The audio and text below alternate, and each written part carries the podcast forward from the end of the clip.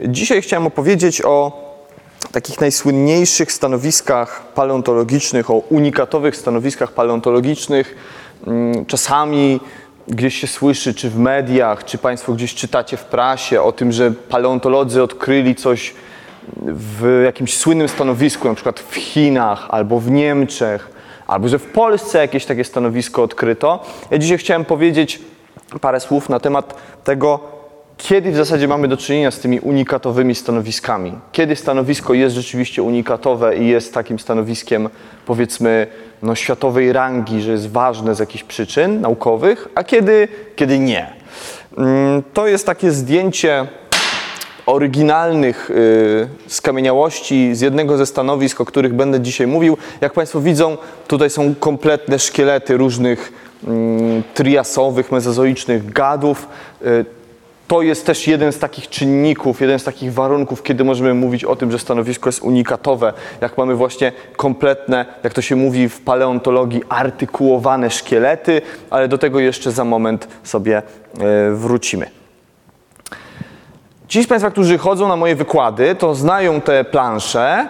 Mm, To jest e, taka figura, która pojawiła się kiedyś w pracy naszego rodaka z Chicago, Sepkowskiego, mm, który badał e, przemiany bioróżnorodności na przestrzeni dziejów, konkretnie ostatnich 500 kilkudziesięciu milionów lat. Tu na osi poziomej mamy czas geologiczny, 500 milionów lat, 400 i idąc w prawą stronę dochodzimy do dnia dzisiejszego. Tutaj 0 to jest dzisiaj. Te literki to są nazwy okresów geologicznych, Kamb, Ordowik, Sylur, Trias, Jura, Kreda, to Państwo pewnie znają. Natomiast tutaj mamy naniesione nazwy tych najważniejszych stanowisk paleontologicznych y, na świecie. Y, Mamy różne stanowiska chińskie, mamy stanowiska australijskie, też się gdzieś tutaj polskie znalazły, owadów Brzezinki czy nasz karpacki menilit, Mm, ale ja dzisiaj chciałem powiedzieć, ponieważ nie mamy czasu na to, żeby opowiedzieć o wszystkich tych stanowiskach, to zdecydowałem się mm, wybrać trzy, takie, które będą najbardziej reprezentatywne, a z jeszcze jednej strony mm, takie, które będą nam pokazywały jak, pewnego rodzaju różnorodność, jaka panuje w tych stanowiskach. Czyli wybierzemy sobie jedno, które będzie paleozoiczne, z ery paleozoicznej, konkretnie to stanowisko, Mason Creek. Wybierzemy sobie jedno z ery mezozoicznej, dokładnie z Triasu, a mianowicie to, Monte San Giorgio. I jedno z ery kenozoicznej, tej najmłodszej, a konkretnie stanowisko w Messel. Tak się złożyło, to jest czysty przypadek, że wszystkie te stanowiska zaczynają się na literkę M. To jest niezamierzone. Co to są w ogóle te unikatowe stanowiska? W ogóle e, dzisiejszy wykład będzie wyglądał w ten sposób, że ja na początku powiem trochę terminów i wyjaśnię o co chodzi, żebyście Państwo zrozumieli. Troszkę sobie powiemy o takich podstawach fizykochemicznych, jak powstają te unikatowe stanowiska, więc będzie trochę chemii, trochę fizyki, ale potem już przejdziemy do oglądania stanowisk i będzie dużo ładnych e, slajdów i zdjęć skamieniałości, więc proszę się nie zrażać. Początek będzie e, taki bardziej naukowy, ale potem przejdziemy do oglądania pięknie zachowanych unikatowych skamieniałości. E, Te unikatowe stanowiska paleontologiczne w paleontologii nazywa się oknami tafonomicznymi. Tafonomical window się mówi, albo czasami ja użyłem takiej nazwy w opisie tego wykładu na stronie Muzeum Ziemi i na Facebooku złoża skamieniałości. Ten termin złoża skamieniałości jest dosłownym e, przetłumaczeniem takiej niemieckiej nazwy Fossillagerstätte, czyli właśnie dosłownie z niemieckiego złoże skamieniałości. E, Ten termin ukuł taki e, paleontolog Adolf Zeilacher, który zmarł skądinąd całkiem niedawno. Adolf Zeilacher był ichnologiem. On badał tropy kopalnych organizmów, nory, jakieś ślady bytowania, ślady chodzenia, nie tylko kręgowców, ale też na przykład bez kręgowców, ślady rycia w mule na przykład. I swego czasu był członkiem takiego dużego międzynarodowego zespołu, który miał właśnie ustalić pewną naukową mm, definicję tych unikatowych stanowisk. I oni stworzyli właśnie termin okno tafonomiczne. od słowa tafonomia. Tafonomia to jest taka dziedzina paleontologii, która zajmuje się pośmiertnymi losami szczątków, czyli wszystko to, co się dzieje z organizmem, ze zwierzęciem bądź z rośliną, kiedy y, to zwierzę czy roślina umrze. I wtedy dzieją się różne procesy, które prowadzą do tego, że w ogóle powstają skamieniałości, albo że nie powstają. Bo tak się składa, że w takich, nazwijmy to, normalnych warunkach skamieniałości się nie tworzą. To musi zajść szereg bardzo złożonych procesów, te, żeby w ogóle te skamieniałości powstały. No i oni stworzyli taki termin okno tafonomiczne i podzielili te okna na dwie kategorie. Są koncentrat Lagerstätte, czyli takie stanowiska, które będą się charakteryzowały tym, że będzie w nich, będą w nich jakieś masowe nagromadzenia skamieniałości. Więc na przykład mm, będą to warstwy kostne. Ja przykład takiej warstwy przyniosłem, po wykładzie można sobie będzie obejrzeć. To jest z naszej polskiej jury z Owadowa Brzezinek. Kiedyś cały wykład o tym stanowisku poświęciłem. To jest kawałek takiego wapienia, jak Państwo widzą, niewielki, mieści się w dłoni. No i tu są kręgi żebra gadów morskich. Więc ta jakieś warstwy kostne, albo na przykład, oj, pardon, albo muszlowce, czyli takie nagromadzenia jakichś skorupek bezkręgowców. To jest okaz przywieziony przeze mnie e, z terenu w ostatni czwartek pod Radomiem.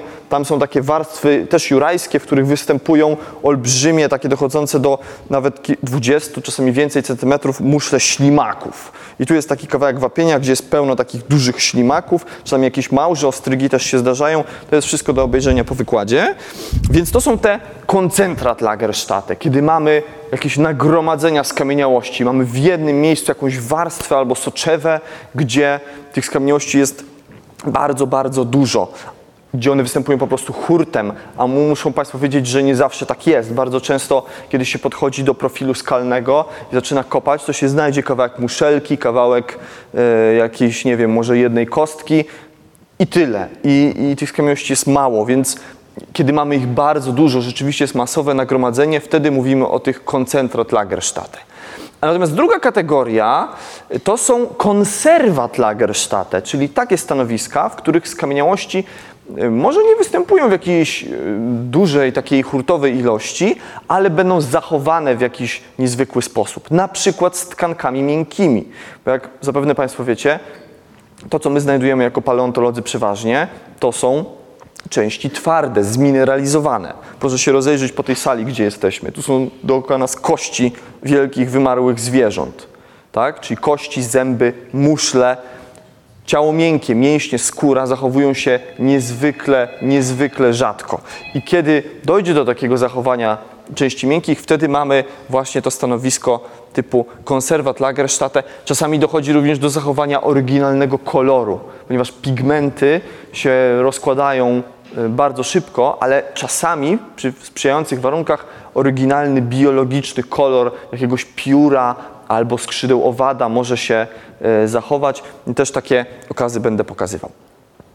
To jest też taki przykład e, tych e, koncentrat Lagerstätte, czyli jakaś warstwa kostna, jak Państwo widzą, jakaś żuchwa z saka, jakieś kości na jednej takiej płycie. Więc to są te e, okna typu koncentrat. A to jest przykład konserwat Lagerstätte, takie słynne południowo-niemieckie stanowisko w Holzmaden, gdzie są kompletne szkielety gadów morskich sprzed 180 milionów lat. I proszę zwrócić uwagę, że zachowane z tkankami miękkimi. To jest no, skóra takiego ichtiozaura. Widzimy płetwę ogonową, płetwę grzbietową i to jest doskonale zachowane. Te części miękkie uległy tutaj zachowaniu. Teraz, tak jak powiedziałem, troszkę takiego, mm, może trochę bardziej ścisłego wstępu fizykochemicznego. Nie wszystkie środowiska, które spotykamy na Ziemi, zachowują się w jednakowy sposób. E, środowisko lądowe na przykład, jakiekolwiek, ma dużo niższy, jak to się mówi fachowo, potencjał fosylizacyjny niż jakiekolwiek środowisko morskie.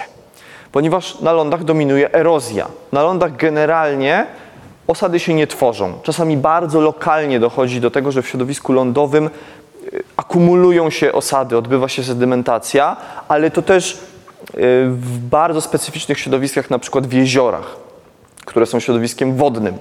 Natomiast e, no na przykład w, środowisku leśnym y, nie, nie tworzą się skamieniałości. Państwo wiecie, że w lesie żyje masa zwierząt, jelenie, dziki, sarny, ale jak pójdziemy do lasu, to tam nie znajdziemy szczątków tych zwierząt. Czasami rzadko gdzieś kawałek jakiejś kości uda się znaleźć, to znaczy, że to zwierzę padło y, stosunkowo niedawno, natomiast tam generalnie skamieniałości się nie tworzą.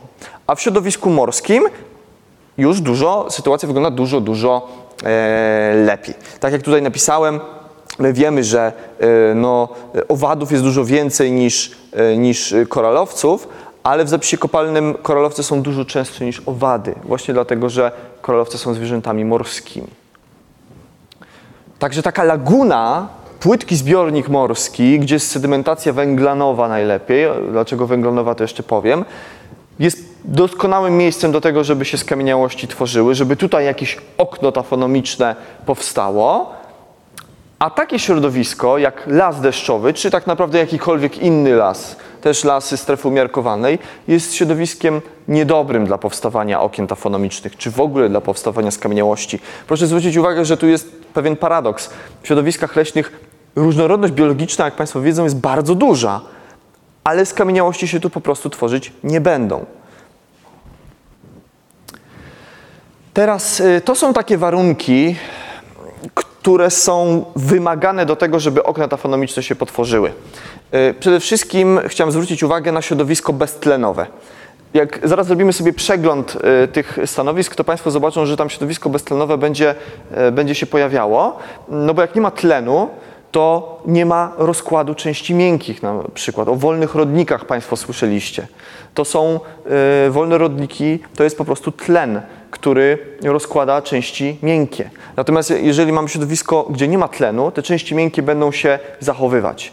Jeśli nie ma tlenu teraz, to nie będzie też ścierwojadów, bo większość zwierząt padlinożernych, czy w ogóle organizmów padlinożernych, to są organizmy tlenowe, takie, które oddychają tlenem, więc potrzebują tego tlenu, żeby żyć. Więc jeżeli w jakichś warunkach beztlenowych będzie nam leżało ścierwo, to tam padlinożercy nie będą przychodzić, bo po prostu się tam uduszą i też umrą.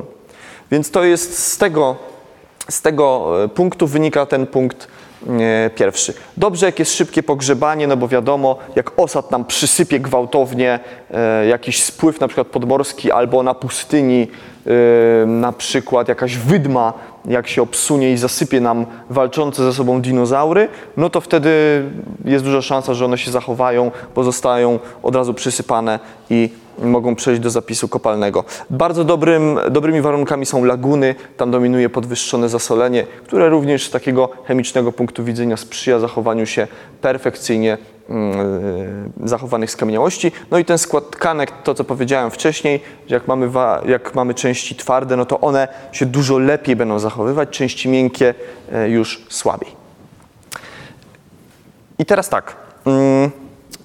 Ja powiedziałem parę slajdów wcześniej, że Pokazałem Państwu tę lagunę i powiedziałem, że to jest dobre miejsce, gdzie będą się tworzyły okna tafonomiczne i że tam jest najlepiej jakby był węglanowy piaseczek, prawda? Węglan wapnia jakby się tworzył.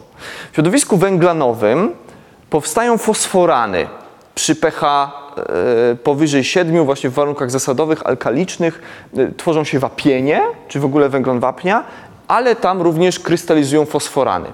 A fosforany mają to do siebie, że one pewnym sensie impregnują części miękkie i powodują, że te części miękkie mogą się zachować i to jeszcze w trójwymiarowy sposób.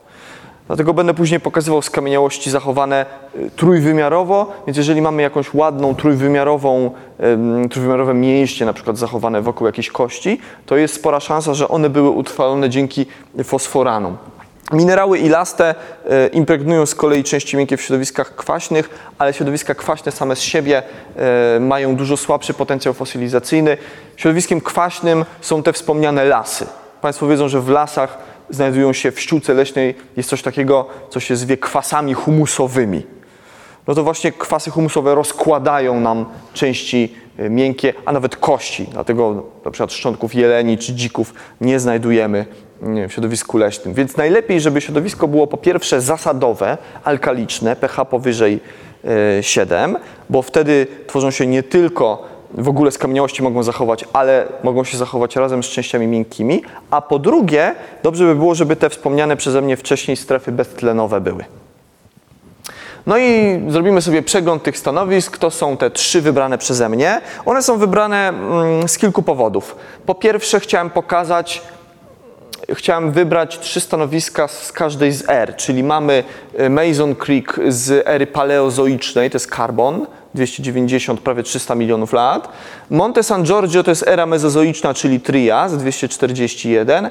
No i Grube Messel, e, era kenozoiczna, czyli ta, w której dzisiaj żyjemy, e, 40 kilka milionów mm, lat. Więc chciałem pokazać ten rozstrzał czasowy, żebyście Państwo zobaczyli, jak się zmieniała różnorodność biologiczna w każdej z tych er. No bo wiadomo, że w erze paleozoicznej będziemy mieli inne organizmy zachowane niż w erze mezozoicznej, a jeszcze inne będziemy mieli zachowane z ery kenozoicznej. Ale jest jeszcze jeden ważny warunek, czemu wybrałem akurat te trzy. Mianowicie każde z nich pokazuje inne środowisko. Więc chciałem Państwu pokazać, jak te czynniki, o których sobie mówiliśmy na początku, czyli na przykład strefy beztlenowe, na przykład powstawanie fosforanów, e, na przykład e, jakieś gwałtowne pogrzebanie, mogą występować w różnych typach środowisk.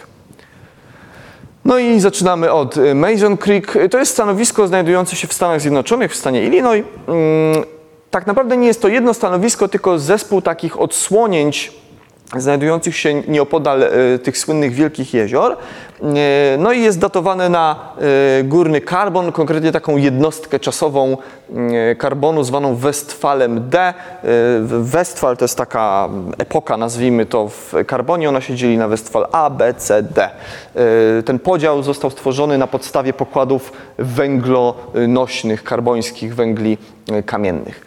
No i z grubsza te stanowiska gdzieś tam oscylują wokół powiedzmy 300 czy 290 milionów lat.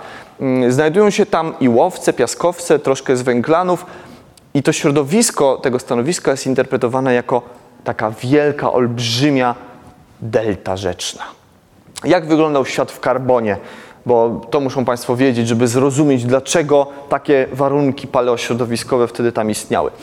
W karbonie istniał olbrzymi superkontynent Pangea, jeden chyba z najsłynniejszych y, paleokontynentów, który się rozciągał od bieguna południowego aż w zasadzie do Arktyki. Y, w tamtym czasie, pod koniec karbonu, miały miejsce tak zwane zlodowacenia Gondwany, więc te południowe części Pangei, Ameryka Południowa, Afryka, mm, Indie, Australia, Antarktyka były pokryte lądolodem. Natomiast Ameryka Północna, którą mamy tutaj, znajdowała się w strefie równikowej. I tu, w okolicach właśnie stanu Illinois, było takie, takie powiedzmy płytkie morze, wcinało się w tę północno-zachodnią część Pangei. Jak sobie zrobimy rzut bliższy, tak, to jest znowu ta Pangea i teraz ten fragmencik oglądamy z Ameryką Północną, który mamy tu, to proszę zwrócić uwagę z takich elementów e, charakterystycznych, no to mm, e, tutaj gdzieś jest Grenlandia, prawda? A tu mamy te północno-wschodnie mm, e, Stany USA. Jest to płytkie morze, które się wcina w kontynent i na jego brzegach powstawały jest coal swamps, czyli takie węglowe bagniska, zbiorowiska węglotwórcze i tam gdzieś z tego lądu, z Pangei, wielka rzeka płynęła przez te zbiorowiska węglowe, uchodziła do tego mm, morza i tworzyła tę rozległą deltę. To jest taka rekonstrukcja e, paleośrodowiskowa, jest to pokazane jak to wyglądało. E, ta delta Mason Creek, prawda, z takimi kanałami ucieczkowymi e, i w osadach tej delty tworzyły się e, nodules, czyli takie konkrecje, mm, e, w których właśnie odnajduje się skamieniałości. Te konkrecje wyglądają tak, ale są to już konkrecje przełamane. Proszę zwrócić uwagę, na przykład te dwa okazy to jest tak naprawdę. Nie, to, to są akurat różne okazy, ale proszę zwrócić uwagę, że to już jest konkrecja, która jest przecięta. Te konkrecje są bardzo twarde i bardzo ciężko jest je rozłupać, dlatego mm, no nie da się tego zrobić na przykład młotkiem geologicznym, nie da się ich przeciąć piłą. Najlepsze, co można zrobić, to takie konkrecje wsadzić do wody, do jakiegoś wiaderka z wodą i wsadzić do zamrażalnika, żeby one sobie zamarzły, potem je odmrozić i potem znowu zamrozić i jeszcze tak kilka cykli takiego zamrażania i rozmarzania i one wtedy same pękają dokładnie w miejscu, gdzie jest okaz. Więc e, ponieważ okaz tworzy, jak jest w środku konkrecji, to on nam tworzy taką swoistą e, strefę e, nieciągłości, nazwijmy tej konkrecji, więc jak ta konkrecja ma pęknąć, to pęknie zawsze tam, gdzie jest skamieniałość. I teraz to jest tafonomia tutaj nagłówek, czyli właśnie to, jak są zachowane te skamieniałości. To są konkrecje syderytowe. Syderyt to jest węglan żelaza. Bardzo dużo roślin tam jest, karbońskich. Państwo może kojarzą karbon, e, ta nazwa się wzięła właśnie od e, pokładów węgla, e, które się wtedy tworzyły tutaj w powiedzmy północnej części świata, czyli właśnie w Europie, w Ameryce Północnej, a w tym samym czasie na południu, na, w tej południowej części Pangei y, miały miejsce te zlodowacenia Gondwany, czyli na karbon się mówi, że jest to w pewnym sensie okres E, no, tak się czasami mówi, lodu i ognia, trochę jak z gry o tron. Na południu był lód, lądolód, a na północy warunki takie w zasadzie tropikalne i właśnie rosły tutaj rozległe lasy e, węglowe i takie, to jest zdaje się paproć nasienna, czyli taka, to są takie paprocie, które nie do końca są spokrewnione z tymi prawdziwymi paprociami, które mamy dzisiaj. Więc to są rośliny, no dużo ciekawsze są zwierzęta oczywiście. Mm, e, tutaj paleontolodzy podzielili mm, tę faunę z Mason Creek na takie dwa zespoły. Jest e, fauna, zaczniemy z tej strony, fauna z Bridewood, e, która znajdowała się w proksymalnej części delty, czyli w tej, która była bliżej lądu. I tam znajdujemy organizmy lądowe albo jakieś takie brakiczne, czyli takie, które mogą żyć w warunkach o różnym zasoleniu, troszkę takim bardziej słonym, troszkę bardziej mm, słodkim, czyli jakieś wszystkie zwierzęta, które żyły w tych lasach węglowych, które żyły na tym bagnisku. A dalej w dystalnej części delty, czyli już w tej, która wchodziła w głąb tego śródlądowego morza, znajdował się zespół z Essex i tam znajdujemy fauny typowo morskie. Tutaj, jak Państwo widzą, jest krewetka, a przykładem tej fauny z Bridewood jest jakiś zachowany mały płas. Tak to wyglądało. Taki schemat y, paleośrodowiskowy. Mamy tą faunę z Bridewood i tu widzimy zbiorowisko węglowe, jakiś płas sobie właśnie siedzi, jakieś szczątki roślin stąd pochodzą, a dalej w tej głębszej, dystalnej części delty zespół z Essex, ta Essex fauna. No i tu mamy rozmaite organizmy, jakieś skrzypłocze, jakieś minogi, jakieś takie dziwaczne stworzenia. Zaraz zrobimy sobie przegląd tych zwierzaków, ponieważ w Mason Creek tych organizmów, czasami no, niepodobnych do niczego innego, co można znaleźć na świecie, e, tutaj właśnie można odnaleźć. Ale zacznijmy od takich bardziej przyziemnych. No są skorpiony, prawda, więc fauna raczej z Bridewood, z tej części lądowej, tej, tej bagnistej. Piękny skorpion. E, są jedyne znane z ery paleozoicznej skolopendry, czyli takie, mm, nazwijmy to wije, takie, takie Chyba to są krocionogi, tak mi się wydaje. Tu jest głowa, tu są odnóża. No są skrzypłocze. O skrzypłoczach cały poprzedni wykład prawie, że poświęciłem. E, jak Państwo wiedzą, no, stabilomorfy, żywe skamieniałości, swoją drogą bardzo, bardzo rzadko spotykana w zapisie kopalnym grupa e, stawonogów. No i tutaj takie skrzypłocze mamy. Rzeczywiście no, wyglądają bardzo podobnie do tych, które można spotkać dzisiaj. Mm, z takich ciekawszych organizmów spotyka się tam rekiny, a to jest ważne dlatego, że rekiny mają szkielet chrzęstny, a chrząstka jest taką tkanką, która się nie lubi zachowywać w stanie kopalnym. Kości zachowują się dobrze, dość dobrze. Jesteśmy otoczeni y, kośćmi wymarłych zwierząt, więc y, sami Państwo widzą, że tych kości czasami można znaleźć sporo, natomiast chrząstka się zachowuje bardzo, bardzo słabo. Y, natomiast w Mason Creek są właśnie rekiny i nie dość, że tam można szkielety tych rekinów chrzęstne wypatrzeć, to one są otoczone tkanką miękką. Płetwy widać, wszystko jest doskonale zachowane. I taki rekin z rodzaju bandringa jest w Mason Creek z takim dziwnym rostrum z przodu czaszki. Mm, to tak się interpretuje, że tak wyglądał.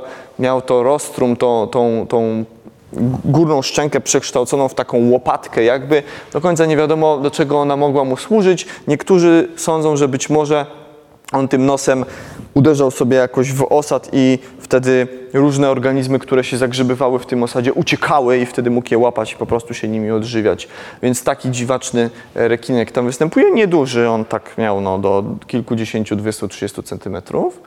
Mm, e, Ale najciekawszym, takim wręcz mm, emblematycznym organizmem z Mason Creek jest Tulimonstrum gregarium. Zwierzę nieduże, takie do 20 cm, ale tych tulimonstrów jest tam bardzo dużo. Bardzo często się je spotyka. On, to zwierzę wygląda tak jak powiedzmy jak taka mm, jakaś parówka, dajmy na to, ale z przodu ma taką, taki ryjek wydłużony, a po bokach ma takie dwie antenki, na których się znajdowały oczy i z tyłu ciała, to ciało jest tak poszerzone i tworzy taką płetwę.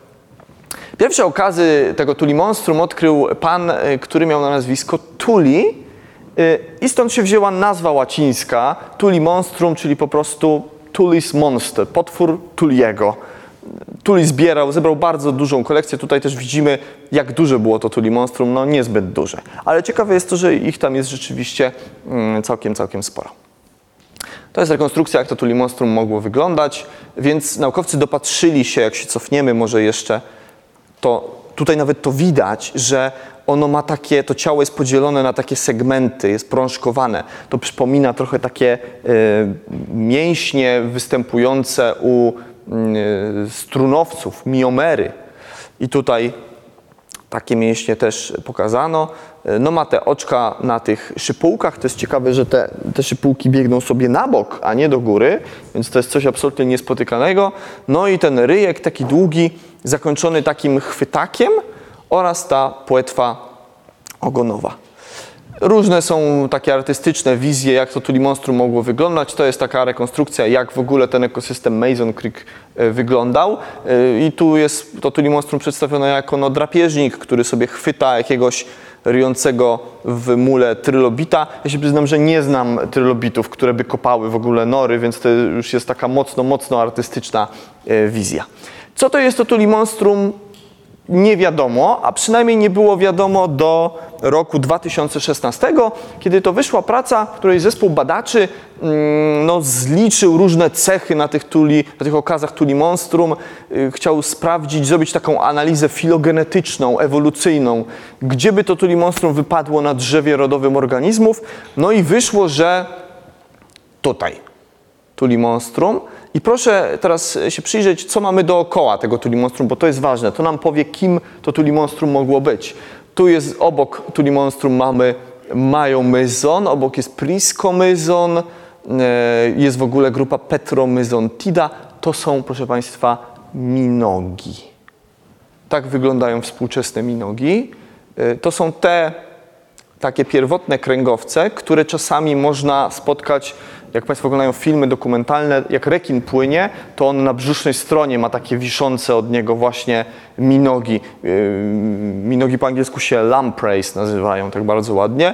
One są pasożytami, to są ektoparazyty, mają taki aparat gębowy yy, z takimi licznymi ząbkami i przyssawką i wgryzają się w ciało jakiegoś większego zwierzęcia, no i sobie tam na nim pasożytują. No i rzekomo to tuli monstrum miałoby też być takim też być takim e, właśnie mm, minogiem. W samym Mason Creek tych kopalnych minogów znajduje się bardzo dużo. Minogi to jest jedna z takich częściej spotykanych tam grup, ale co ciekawe, wszystkie poza Tuli Monstrum mniej więcej przypominają dzisiejsze minogi. One się różnią oczywiście jakimiś tam detalami, ale z grubsza to zachowuje kształt ciała dzisiejszego minoga poza tuli monstrum. Y, tu się, tak jak powiedziałem, doszukano śladów tych mięśni, tych miomerów charakterystycznych właśnie dla pierwotnych kręgowców, dla jakichś wczesnych strunowców. Y, kiedy wyszła ta praca trzy lata temu, to od razu się pojawiły jakieś polemiki, że to być może wcale nie jest żaden pierwotny y, kręgowiec. Taki Taki, taki jeszcze bym dodał e, argument za, to jest to, że ten aparat gębowy Tuli Monstrum był zorientowany pionowo. Proszę zwrócić uwagę, że on, e, prawda, ma jakby, tam mamy górną i dolną szczękę, nazwijmy to. U, u bezkręgowców Aparat gębowy jest raczej zorientowany w ten sposób, że mamy le, stronę lewą i prawą, a u, u kręgowców, czy w ogóle u strunowców górną i dolną, grzbietową i brzuszną. Więc to byłby jakiś argument za tym, że rzeczywiście to jest jakiś pierwotny, pierwotny kręgowiec, czy może nie kręgowiec, ale pierwotny strunowiec, kuzyn, kuzyn kręgowców. Zobaczymy. Y, Następne badania na pewno jeszcze pomogą ustalić, czym był. Może ktoś będzie miał jakiś e, jeszcze bardziej fascynujący pomysł, czym to Tuli Monstrum mogło być. Y, Tam wokół e, stanowiska w Mason Creek jest oczywiście cały biznes już rozwinięty. To Tuli Monstrum jest tam absolutnie gwiazdą. E, Różne firmy wędkarskie mm, tworzą swoją kampanię reklamową w oparciu właśnie o odkrycia tych cennych skamieniałości. To jest rzecz powszechna. Później będę pokazywał inne stanowiska, tam będzie podobnie. Teraz jakie ma znaczenie? No przede wszystkim złożony ekosystem karboński y, znamy z Mason Creek. Jest masa tych miękkociałych organizmów nieznanych z innych stanowisk paleozoicznych, na przykład meduzy i tak jak powiedziałem skolopendry. Są te dziwne, trudne do zinterpretowania organizmy jak tuli monstrum, no i części miękkie mm, e, u rekinów zachowane.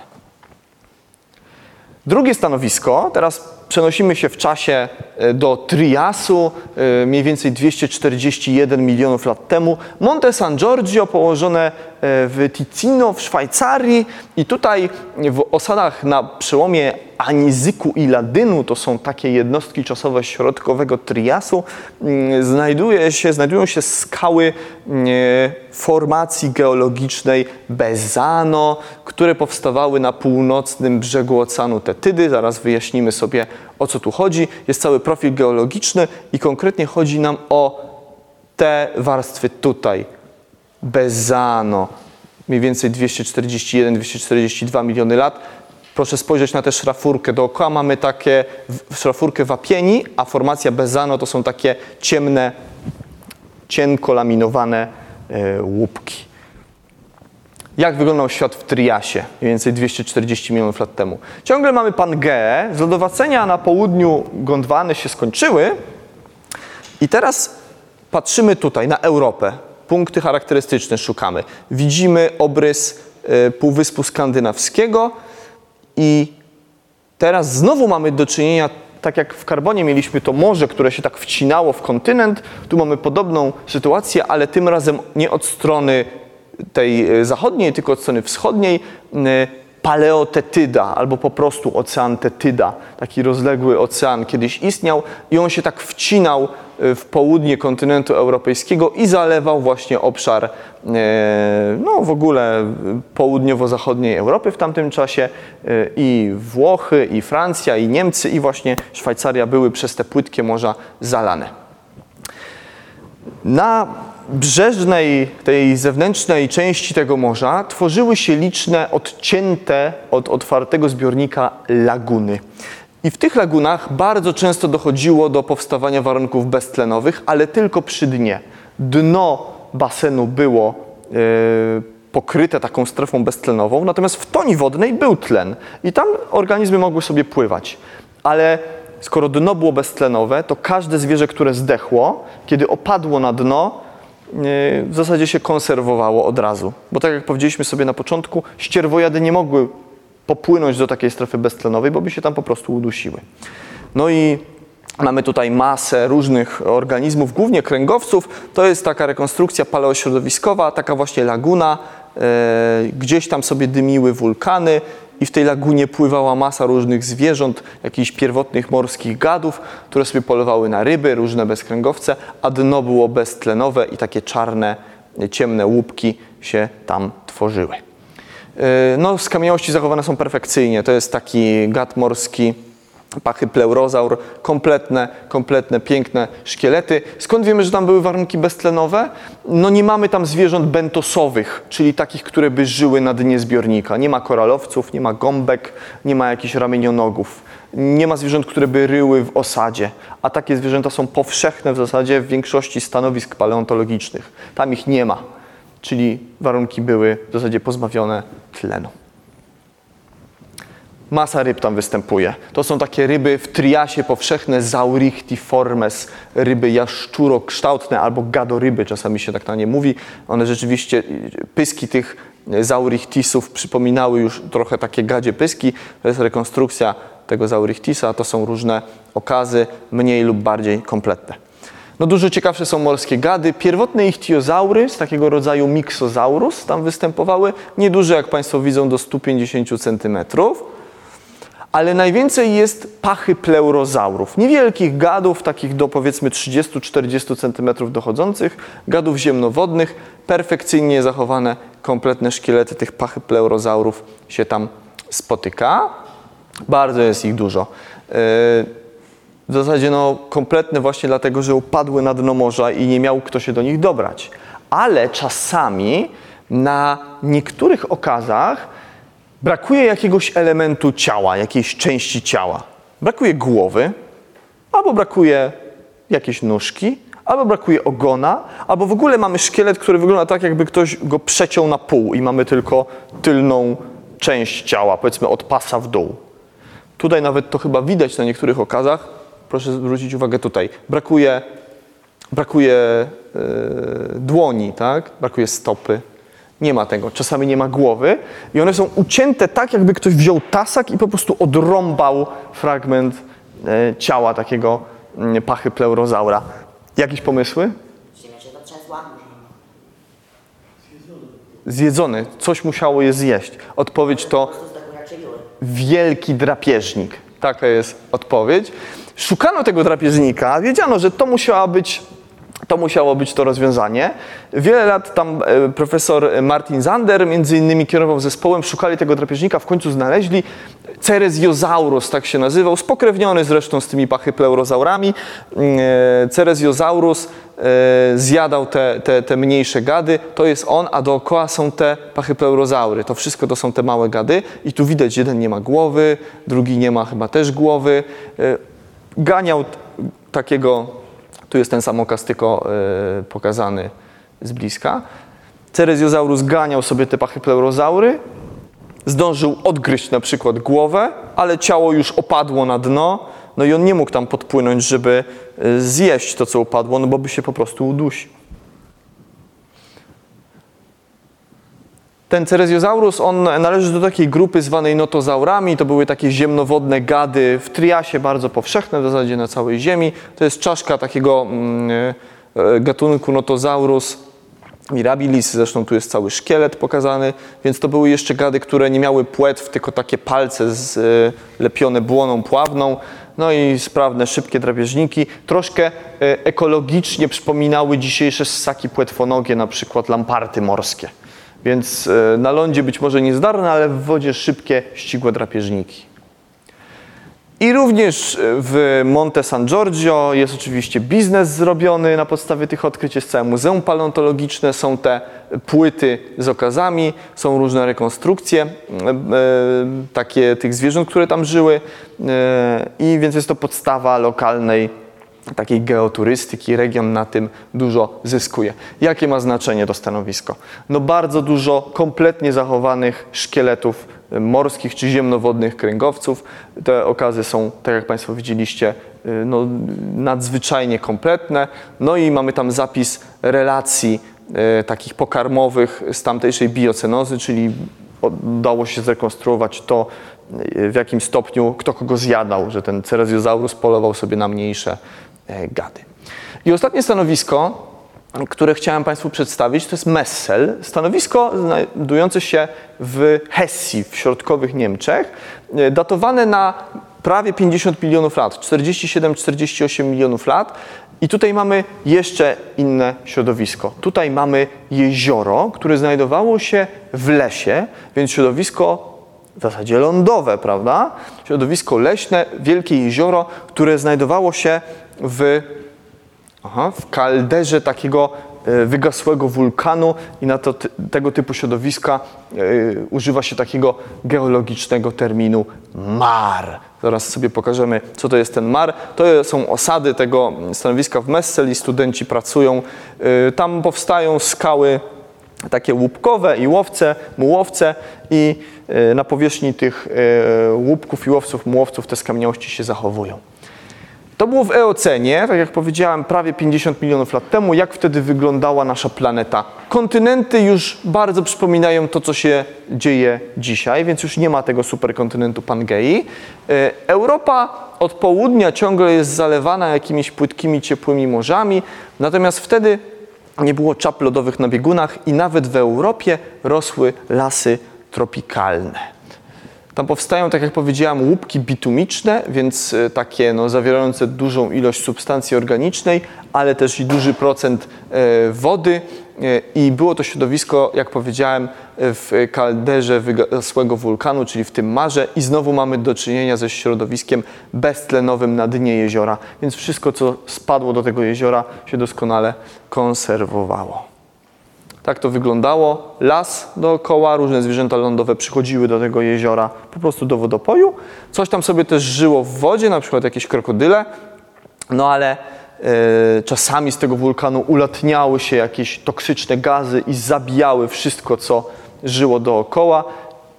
No i każdy, kto był albo w tym jeziorze, albo w jego bezpośrednim pobliżu, ten po prostu wpadał w jego wody, wpadał do osadu, a tam warunki beztlenowe konserwowały te szczątki.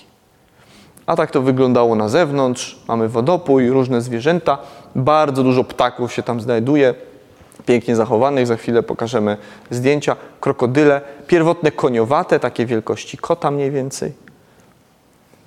W jeziorze żyły ryby, doskonale zachowane, kompletne szkielety ryb, pokryte łuskami ssaki. Ponieważ to już jest era kenozoiczna, więc dinozaury i inne gady wymarły, ssaki zaczęły ewoluować, czyli powiedzmy ich radiacja się tutaj zaczęła, więc mamy jakieś pierwotne, naczelne, mamy nietoperze, proszę zwrócić uwagę, zachowane z uszami oraz z błoną lotną, więc te warunki beztlenowe rzeczywiście doskonale konserwowały tę tkankę miękką. No i mamy pierwotne e, koniowate. To jest taki konik, prakonik, stamtąd nazywa się Propaleotherium, jeden z pierwotnych koniowatych. On był wielkości kota, więc był nieduży i miał kilka palców. Proszę zwrócić uwagę, tutaj można policzyć, ile tych palców jest. Dziś, jak Państwo wiedzą, konie mają jeden palec, jedno kopyto, a kiedyś pierwotne miały ich nawet pięć. No i okaz jest zachowany, tkanka miękka uległa zwęgleniu i w środku czasami nawet zawartość żołądka, ostatni posiłek takiego pierwotnego konia udało się e, odnaleźć. Różne ssaki nadrzewne. Pierwotne ssaki naczelne, taki rodzaj Darwinius, które no, w zasadzie ssaka naczelnego to jeszcze w zasadzie nie przypomina troszkę bardziej jakiegoś może gryzonia. Jakieś takie ssaki mm, w zasadzie niespokrewnione z żadnymi dzisiaj żyjącymi, czyli taki rodzaj Leptictidium oraz takie prapangoliny, e, które sobie gdzieś tam na drzewach żyły, czyli proszę zwrócić uwagę, takie zwierzęta, które nam się z Europą Środkową, z Niemcami w zasadzie nie kojarzą. Pangolinów w Europie dzisiaj nie ma, a wtedy były warunki tropikalne e, na terenie naszego kontynentu i takie zwierzęta tutaj żyły. Masę owadów się tam spotyka. Na przykład chrząszcze, Państwo widzicie, perfekcyjnie zachowane. Te pokrywy skrzydeł są kolorowe, czy, czy odwłoki owadów mają kolor, ale to niestety nie jest pierwotny biologiczny kolor tych owadów. Te owady nie miały takiego koloru za życia. To jest kolor zmieniony przez różne procesy pośmiertne. Kiedy te owady zginęły, to później, kiedy już znajdowały się w osadzie, różne procesy geologiczne, krążenie różnych roztworów, różne substancje zmieniły ten oryginalny kolor. Więc to nie jest prawdziwy kolor. Tak, takiego umaszczenia te chrząszcze za życia nie y, miały. Węże. Bardzo dużo węży się tam spotyka, również zachowane z tkankami miękkimi, czasami z treścią żołądka. No i ptaki. Ptaków jest tam cała masa. Ja Państwa zwabiłem na ten wykład y, tą planszą z tym y, pradutkiem z, z rodzaju, y, z rodzaju y, Messeli risor i on już ma kolory oryginalne, biologiczne, takie ciemne i jasne plamy czy pasy na ogonie, to już jest kolor charakterystyczny również, jak Państwo wiedzą, dla dzisiejszych dudków. I to rzeczywiście mm, takie umaszczenie też pradudki miały mniej więcej 50 milionów lat temu. Czasami zawartość przewodu pokarmowego u tych ptaków również daje się e, tam wypatrzyć. Na podstawie badań izotopowych, głównie izotopów azotu, udało się zrekonstruować e, piramidę troficzną, piramidę pokarmową tego stanowiska. Mm, W geochemii jest tak, że każdy izotop mówi nam troszeczkę o czymś innym. Izotopy tlenu mówią nam na przykład o tym, jaka była e, fizjologia ciała zwierzęcia, czy jaka była jego temperatura, a izotopy azotu mówią nam o niszach pokarmowych, czyli najprościej rzecz ujmując o tym, kto kogo zjadał. I zrobiono taką dużą analizę izotopów azotu dla Messel i okazało się, że na szczycie tej piramidy pokarmowej stały krokodyle. Krokodyle tam zjadały wszystkich. No to przyjrzyjmy się tym krokodylom. Pięknie zachowane cała czaszka, tu jest szkielet, y, on jest troszkę taki skompresowany, więc to nie jest zawartość żołądka, bo ktoś mógłby tak pomyśleć, to są osteodermy, czyli te tarczki, które znajdują się na grzbiecie e, krokodyla, tylko ten szkielet uległ w tej części troszkę takiemu przekręceniu, takiej rotacji i te tarczki z grzbietu zjechały nam tutaj na bok. Ale czaszka jest zachowana trójwymiarowo, ona jest tak wystawiona w muzeum w Messel, że można zobaczyć tą trójwymiarowość, można podejść i temu krokodylowi zajrzeć e, w oczy po prostu. No i znaczenie Messel. Y, Ekosystem zachowany perfekcyjnie z wczesnymi ssakami, wczesnymi z ery mm, kenozoicznej. Y, Oryginalny biologiczny kolor struktur, czyli y, te pióra ptaków, no i skamieniałości zachowane trójwymiarowo. I na zakończenie to, co chciałem, żebyście Państwo zapamiętali z tego wykładu, jak zawsze, czyli podsumowanie tych okien tafonomicznych. Proszę zwrócić uwagę, omówiliśmy sobie trzy stanowiska. Pierwsze, Mason Creek, to była delta rzeczna. Drugie, Monte San Giorgio, to była laguna nad, nad brzegiem jakiegoś morza. I trzecie, Messel, to było jezioro w lesie. Czyli trzy zupełnie różne środowiska. Ale Wszystkie one zapewniły doskonałe zachowanie skamieniałości i spowodowały, że tam powstały po prostu okna tafonomiczne. Więc jakie procesy i warunki zachodzą w tych stanowiskach? No fosfatyzacja, czyli ten proces, który e, prowadzi do tego, że komórki, tkanki zachowują się trójwymiarowo. E, Wczesna mineralizacja to jest połączone z fosfatyzacją. Im wcześniej minerały zaczynają krystalizować nam na kościach czy na tkance, tym lepiej się mm, te skamieniałości zachowują. Z takich badań na współczesnym ścierwie wiemy, że e, fosfatyzacja, e, do fosfatyzacji dochodzi już w ciągu 14 godzin na powierzchni mięśni u na przykład jakichś martwych skorupiaków. Więc wczesna mineralizacja, najlepiej, żeby to była fosfatyzacja, no i te strefy beztlenowe. A jak Państwo widzieliście, te strefy beztlenowe w różnych środowiskach mogą być, bo i w tym marze mieliśmy w Messel i w Lagunie, w, w, w Monte San Giorgio. A jakieś, w jakich środowiskach zatem będą powstawały te stanowiska? No w lagunach, najlepiej w lagunach. Tam będziemy mieli perfekcyjne szkielety z tkankami miękkimi. Bagna i jeziora, na przykład ten mar w Messel, tam również będą strefy beztlenowe i również będziemy mieli trójwymiarowość tkanek. Y, Również w środowiskach rzecznych czy nad brzegiem morza, y, no tak jak te wszystkie okazy, które tu przyniosłem, które są teraz do obejrzenia, to one powstawały y, jako takie nadbrzeżne warstwy kostne, czy po prostu nadbrzeżne warstwy ze skamieniałościami, bo tam po prostu osady się dobrze akumulują, a co za tym idzie, szczątki pradawnych zwierząt tam się będą odkładać. I ładne uśmiechnięte tuli monstrum na koniec. Dziękuję bardzo.